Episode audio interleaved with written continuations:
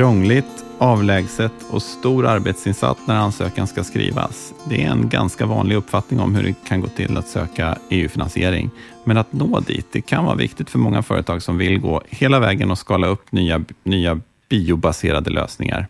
Och Det handlar om stora summor som finns tillgängliga. Horizon Europe har en budget på 95 miljarder euro mellan 2021 och 2027. Eh, så om man är ett litet företag, ett medelstort företag som vill söka EU-finansiering, men känner att man inte har riktigt tillräcklig kunskap, finns det då någon hjälp att få? Och kan finansiering från bioinnovation utgöra en viktig push på den vägen? Det är frågor vi ska diskutera i dagens avsnitt av Bioinnovationspodd, Bioinnovativa affärer. Och jag själv heter Sverker Danielsson. Jag är biträdande programchef för bioinnovation. Eh, och bioinnovation ska jag säga, det är ett strategiskt innovationsprogram som är initierat av skogsindustrierna Ikem och Teko. Eh, programmet finansieras av Vinnova, Energimyndigheten och Formas inom ramen för den gemensamma satsningen strategiska innovationsområden. Och det finansieras också av de intressenter från näringsliv, akademi och institut och offentlig sektor som deltar. Målet med bioinnovation är att öka förädlingsvärdet och konkurrenskraften i den biobaserade, svenska, svenska biobaserade sektorn genom att skapa bästa möjliga förutsättningar för att ta fram nya biobaserade material, produkter och tjänster. Och I dagens avsnitt så har jag glädjen att ta sällskap av två gäster. Det är Maria Wennman, eh, R&D Director på OrganoClick och Kent Rundgren som är Innovation Manager Ecosystems SME på Chalmers Industriteknik. Välkomna båda två. Tack. Kent, du är med oss på länk. Eh, hur är eh, läget i Göteborg? Jo, det, det, är bra. Det var nästan lite sol idag. Det var inget regn i alla fall, så att lunchpromenaden gick bra. Ja, härligt, härligt.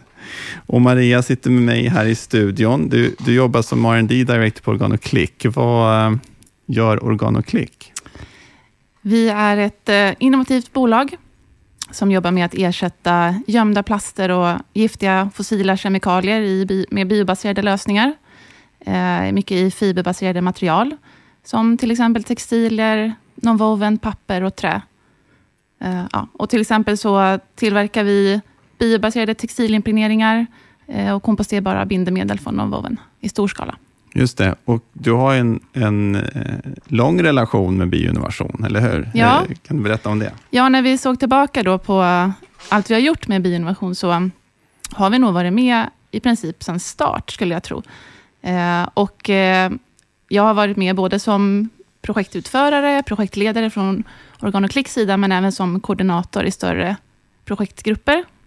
Och vi har, ja, inom våra olika affärsområden har vi drivit projekt som idag eh, har kommersiella produkter. Och säljer, vi säljer idag, eh, eller idag omsätter de här produkterna mer än 50 miljoner kronor på årsbasis. Eh, och under tiden har vi också, OrganoClick har som bolag vuxit eh, från kanske 20 medarbetare till ungefär 50 medarbetare. Så att vi har ju också vuxit och eh, ja, under tiden vi har haft aktiva projekt inom innovation. Just det, jättespännande. Eh, kan du ge exempel på eh, specifika områden eller, eller produktsegment som ni har utvecklat i, i de här projekten? Absolut. Eh, vi har haft ett stort fokus på våra bindemedel de senaste åren. Eh, så där har vi drivit flertal projekt och ehm, haft även eh, stor eh, framgång. Och projektet, eller ett av projekten vi har drivit för våra biobaserade bindemedel har varit samarbete med, med både svenska företag och eh, finska företag. Just i det projektet. Då. Men vi har också drivit eh, projekt som har rört våra biobaserade barriärer för förpackningar. Eh, även eh, biokompositmaterial för till exempel ljudabsorbenter. Så det är ganska... Ja, det har blivit ett gäng projekt. Mm, mm. Jättespännande. Eh, eh, och jag tänkte höra med dig Kent, du, ni, du är med och jobbar eh, för att stötta små och medelstora företag som vill hitta möjligheter för sina idéer och sina nya lösningar. Eh, vad är den vanligaste företagen vill ha hjälp med när de, när de kommer till dig? Ja, det, då har man oftast eh, startat ett företag, man kanske ett startup i tidigt skede. Och då, då är det egentligen två saker. Det är kompetenser utöver det man har i företaget och pengar. Kanske man säger pengar tre gånger, för det är oftast pengar först. Och, det kan ju vara mjuka pengar från Almi och regionen och Vinnova eller bioinnovation till exempel. Just det, just det. Och det senaste året så har du varit kanske lite extra engagerad i bioinnovation eh, när det handlar om att informera SMF om möjliga finansieringsformer. Kan du berätta om det? Ja, eh, er kommunikatör Linda då och jag har med, med olika partners haft eh, ja, olika webbinarier under säg, två års tid nu ungefär. Vi har bjudit in eh, företag, främst från bioinnovation och liknande, för att egentligen lyssna och förstå hur kan de ta hjälp eh, med sin innovation med då Eh, både att bygga sitt, jag brukar säga dream team, alltså partner för den ansökan, det här konsortiet då. Men, men också se, behöver vi en, en, en konsult till exempel för, för det här? Vem kan hjälpa oss att skriva ansökan? Så där, det, det är oftast en, en fråga. Så jag har haft ett antal webbinarier då. Just det.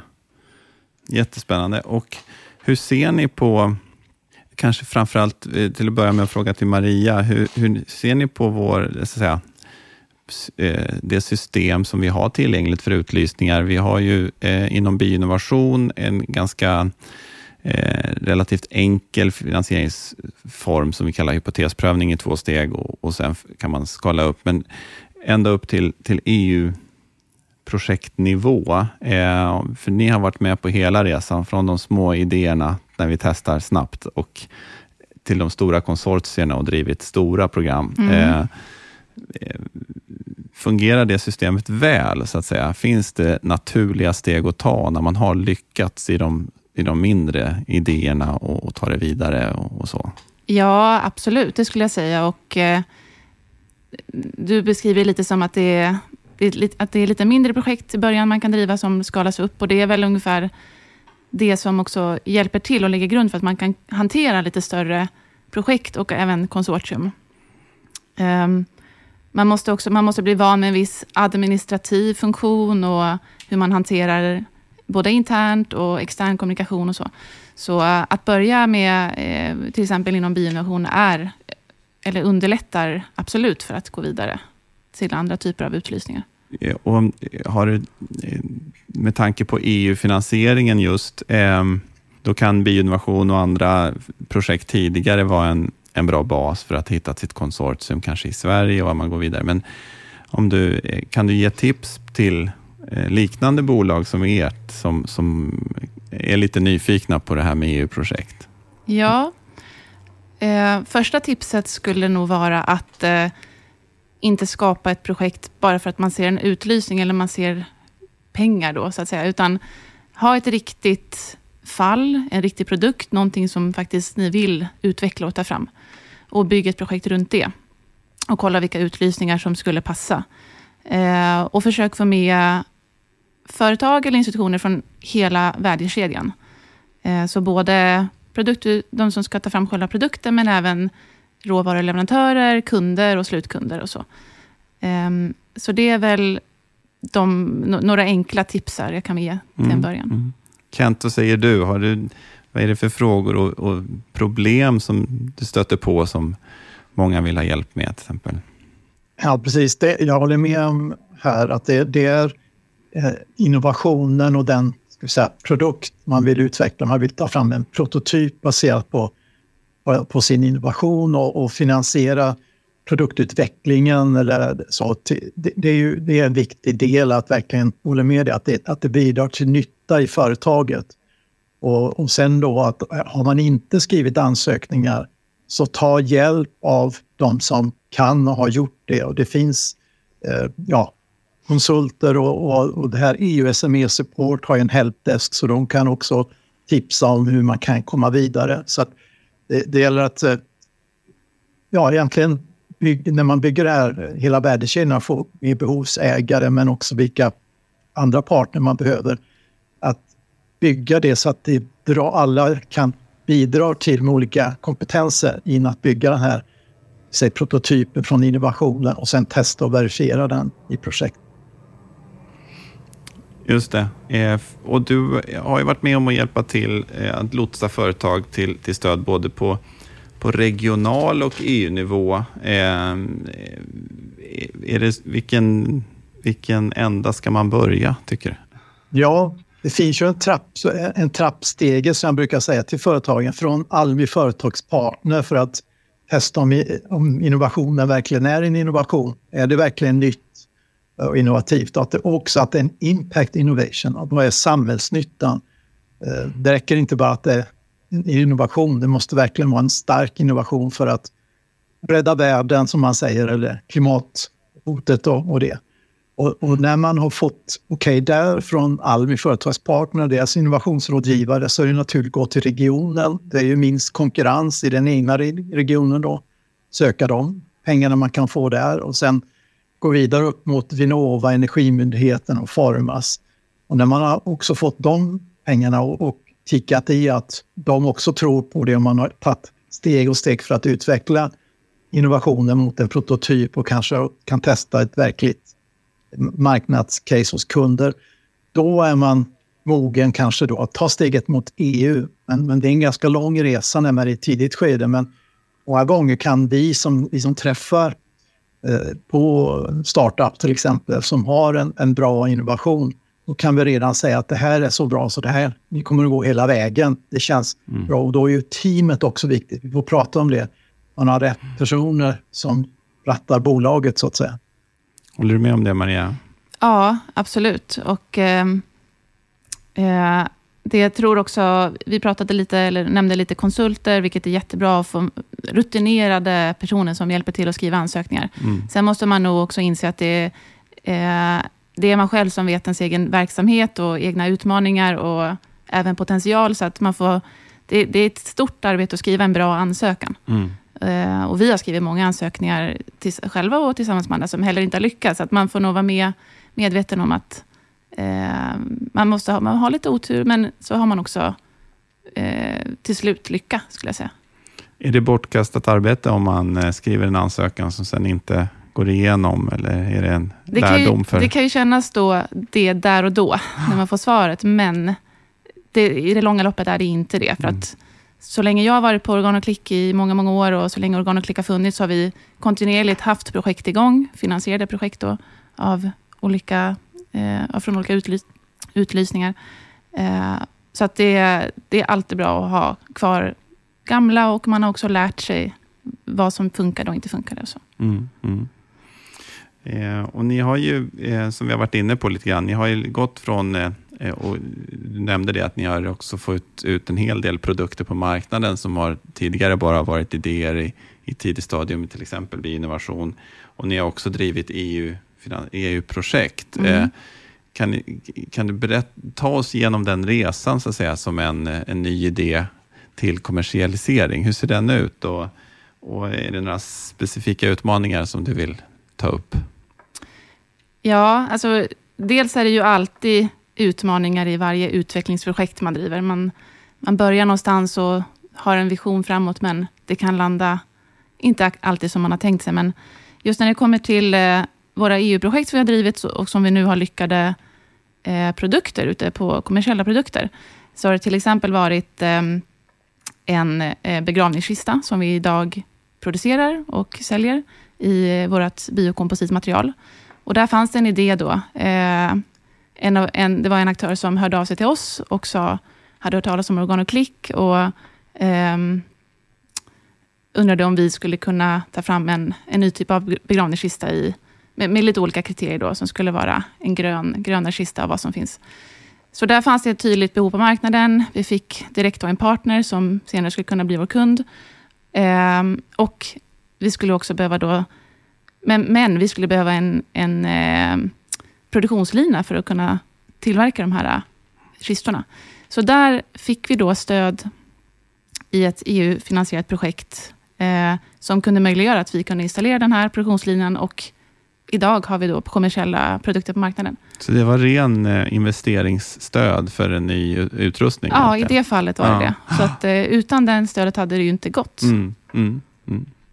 Ja, men spännande att höra. Mm. Eh, eh, och eh, vi var inne på det, eh, att det kan vara en bra idé att, att just när man eh, är i stånd att ansöka om till exempel ett EU-projekt, att, att man har en erfaren person som skriver ansökan, en konsult kanske. Eh, är det något särskilt som man ska tänka på då kring att anlita konsulter i ansökningsförfarandet? Eh, alltså det, det vill jag nog säga igen då, att eh, vara beredd på att göra mycket arbete själv Ja, bredvid ja. konsulten. Så att inte bara lämna, lämna konsulten och eh, hoppas att man får en perfekt ansökan tillbaka. Mm, mm, Eh, men annars så tror jag att eh, det är väl också lite det som du nämnde där, att om man söker mycket projekt eller med många utlysningar så får man en ganska bra bild av vilka konsulter och konsultfirmor som gör bra jobb eller som liksom, ja, har bra rykte och sådär. mm. Så ja, man får, man får gå lite på, på det och med på, på känsla. Just det. Kent, ser du några för och nackdelar med att, att använda de här konsulterna? Du lyfter fram dem som, en, som ett alternativ och en viktig part kanske, i, särskilt om man är lite oerfaren. Ja, alltså man kan ju se oss på Chalmers industriteknik så är vi ju på något sätt en FoU-konsult som kan, kan bistå beroende på vad det är för utmaning som kunden har kring en viss ansökan. Men jag håller med om det här att just det här konsortiet, så är Dream Team, de som skriver ansökan är inte en konsult bara, men det är alla bidrar ju med sina delar i olika arbetspaket till exempel. Men, men ju svårare man går, man här trappan upp förbi Vinnova och ut på EU, då blir det utmaning mycket, mycket större. Och behöv, man behöver någon, oftast blir det så att man gör det för första gången. Och den första gången, så förutom att ta hjälp av EU SME-support som stöds av bland annat Vinnova, då, så ska man ju få hjälp av det de kan bistå med. Men jag skulle säga att man i princip behöver en konsult. Jag har ju suttit på företag som har en anställd person som har forskat och skrivit EU-projekt. E då kan man i princip lösa det med att man har en erfaren person in-house. Men har man inte det så ska man komplettera EU SME supportstödet med att ta in offerter från kanske tre konsulter, EU-konsulter om vi pratar om dem. För det, det är främst där man behöver konsulterna. Vinnova-ansökningar, oftast kan man lösa det med eh, att man har erfarna partner, som, alltså en erfaren FoU-partner.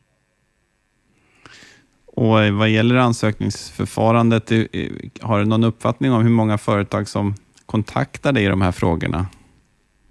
Ja, det, hela tiden skulle jag vilja säga. Eh, speciellt kanske nu när det är lite sämre tider och det är tufft på marknaden och så. Då Mm. har man kanske mer tid att titta på sina innovationer och söka eh, mjuka pengar för att eh, utveckla dem vidare steg för steg. Men jag skulle säga, eh, om man tar per vecka så har jag kanske helt nya kontakter, alltså en, två, tre stycken varje vecka.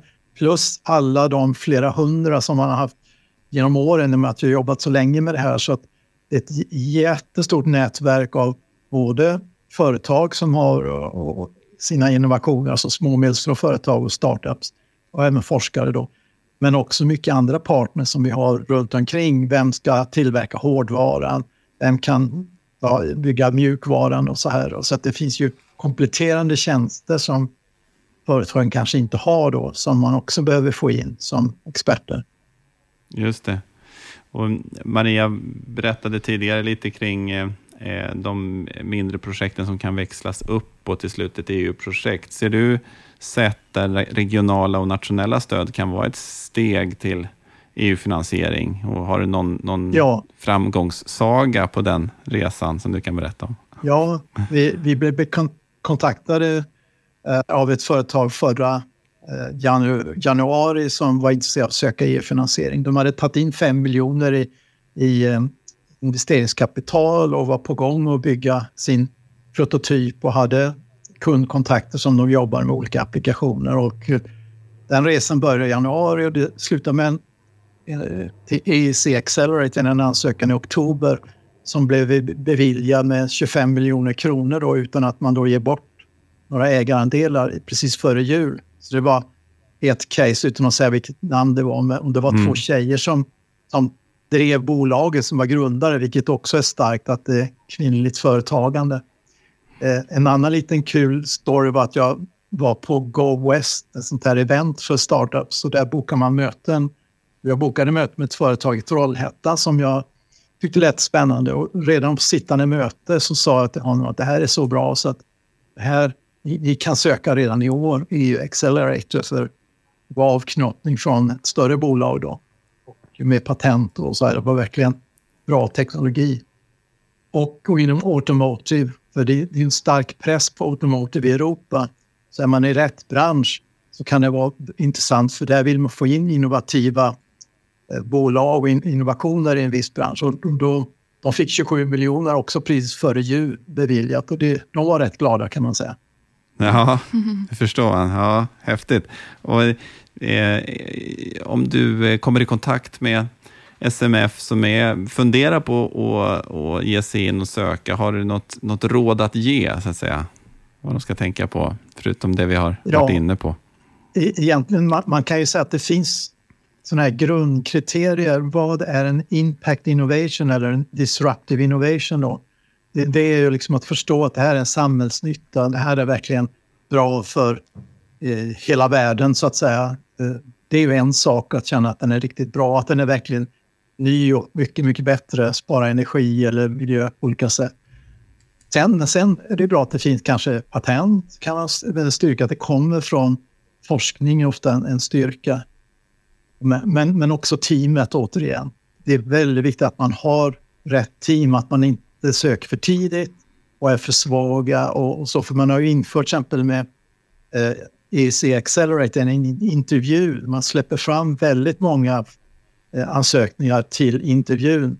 Men sen gallrar man bort också väldigt många där så att då behöver man förbereda sig på de frågorna och i, i teamet, när man har teamet på sig att bli intervjuad eller, eller det blir med man presenterar i tio minuter, sen blir man intervjuad i en, en 20 minuter, halvtimme där. Och där är det väldigt viktigt också att man är trovärdig. Så att det är inte bara att skriva en, en bra ansökan, men just det programmet behöver man presentera teamet och att man kompletterar varandra och så. Just det. Maria, om jag ställer samma fråga till dig. Vad har du för, för råd att ge till bolag som är i stånd att söka? Ja, jag skulle nog säga att eh, det kan vara bra att ha ändå en, en viss grad av mognad inom bolaget. Och då tänker jag lite praktiskt på eh, administrativa ekonomifunktioner till exempel. Så man inte, det kan komma som en chock annars, att eh, det är mycket att, att, att följa upp och dokumentera och så.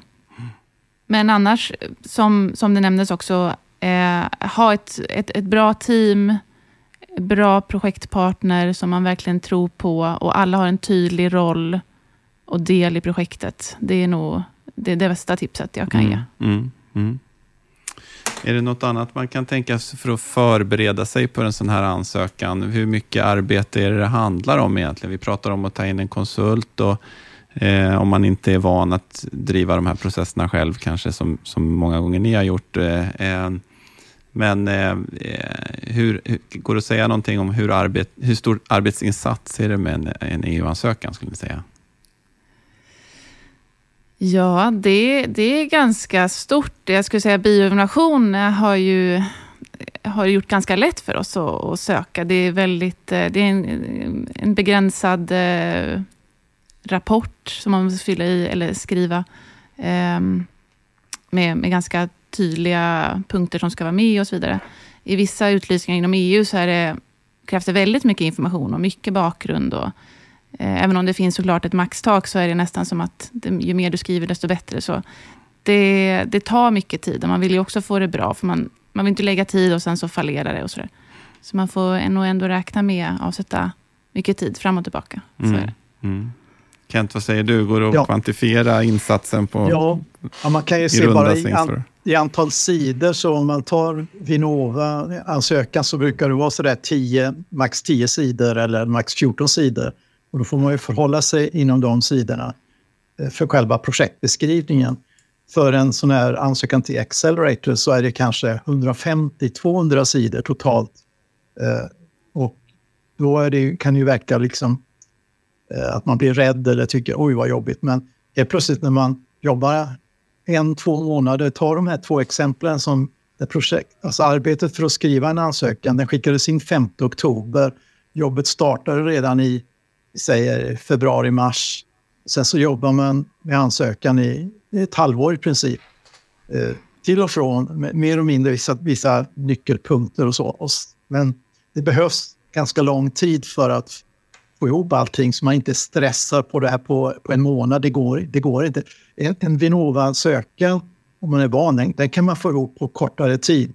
Kortare än en månad och, och kanske två veckor om man är rutinerad och så. Men så en EU-ansökan, även om man har en konsult och man är rutinerad och kan mycket kring produkten och vad man vill använda pengarna till och att ansökan blir bra, då behöver man den här tiden. Det är kanske är fler partner och ja, det, det behövs mycket tid. Mm. Och hur ser det, det förstås skiljer sig väldigt mycket, men, men om man går att säga ett typiskt eh, projekt, hur ser det ut just med konstellationen i ungefär antal partner och, och länder och sådär? Eh, går det att säga något om det, så man får en bild av det om man inte har varit inne i det själv? Ja, inom, inom EU-projekt då så har vi eh, varit med i dels relativt små konsortium, vi och två partner till. Men vi har också varit med i, eh, och är med i eh, jättestora konsortium, med 20 partner eller så. Ehm, så att det är ju hela skalan där. Men, och det, det känner man ju såklart att det är, man har ju mer eh, att bidra med om man är en mindre grupp, till exempel. Men alla projekt fyller ju sina syften, så att det är inte alla projekt som kan ha en så liten grupp heller. Så att, eh, men ja, vi, vi har varit med i alla möjliga former. Mm. Mm. Ehm, finns det andra vinster med EU-projekten e än att man får utveckla sin, sitt koncept som, som SMF? Eh, jag tänker på knyta kontakter med olika intressanta aktörer till exempel. Eller så. Ja, absolut. Och Eh, inte bara andra bolag som finns någonstans i ens kontaktnät, utan även andra institutioner eller universitet som man annars kanske aldrig hade stött på eller tagit kontakt med. Mm. Så absolut, mm. det är väldigt bra för kontaktnätet. Mm. Ja, spännande. Är det något eh, ni vill lägga till utifrån det samtal vi har fört som, eh, inom eh, eh stå, små och stora med, medelstora företag som, som funderar på att ge sig in i den här eh, ut, ja, utlysningssystemet i stort, men i synnerhet EU-projekt?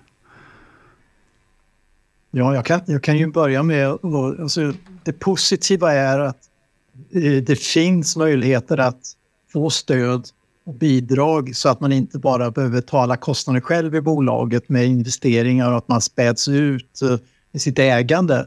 Och eh, har man en sån här impact innovation som verkligen är stark, som kan konkurrera, det lär man ju få svar på när man söker regionala och nationella pengar. Då vet man att det här är så starkt så att då, då, då blir man med, med det också för, väl förberedd för att söka EU-finansiering. Och sen, som Maria sa, är det beroende på konsortiet eller vilken utlysning det är, så kan man vara ensam sökande som i EEC Accelerator. Då behöver man inte bygga något EU-konsortium, då söker man helt själv, men med sitt eget Dream Team eller ja, det kan ju vara partner också i Europa, men nu är det mer för att testa och verifiera, alltså kunder till exempel eller leverantörer. Så jag, jag, tror att det där mognar fram när man jobbar mycket med sin innovation och sina produkter och eh, prototyper. Då, då ska man verkligen förstå, ja, det här är så bra så att det här ska man verkligen ja, ges chans att söka, för det är synd att missa möjligheten. Håller med. Absolut. Bra. Eh, spännande att höra. Jätteintressanta eh, intressant samtal tycker jag. Jag tar med mig som summering att utgå från din egna innovation och eh, utveckla den. Och gärna om du följer med ett patent eh, eller någonting sånt, men i alla fall den egna idén, att det är utifrån det behovet man, man jobbar och sen också att samla ett, ett starkt team och inte vara för snabb på, på utlysnings texten utan, utan eh, gör, forma sitt case först.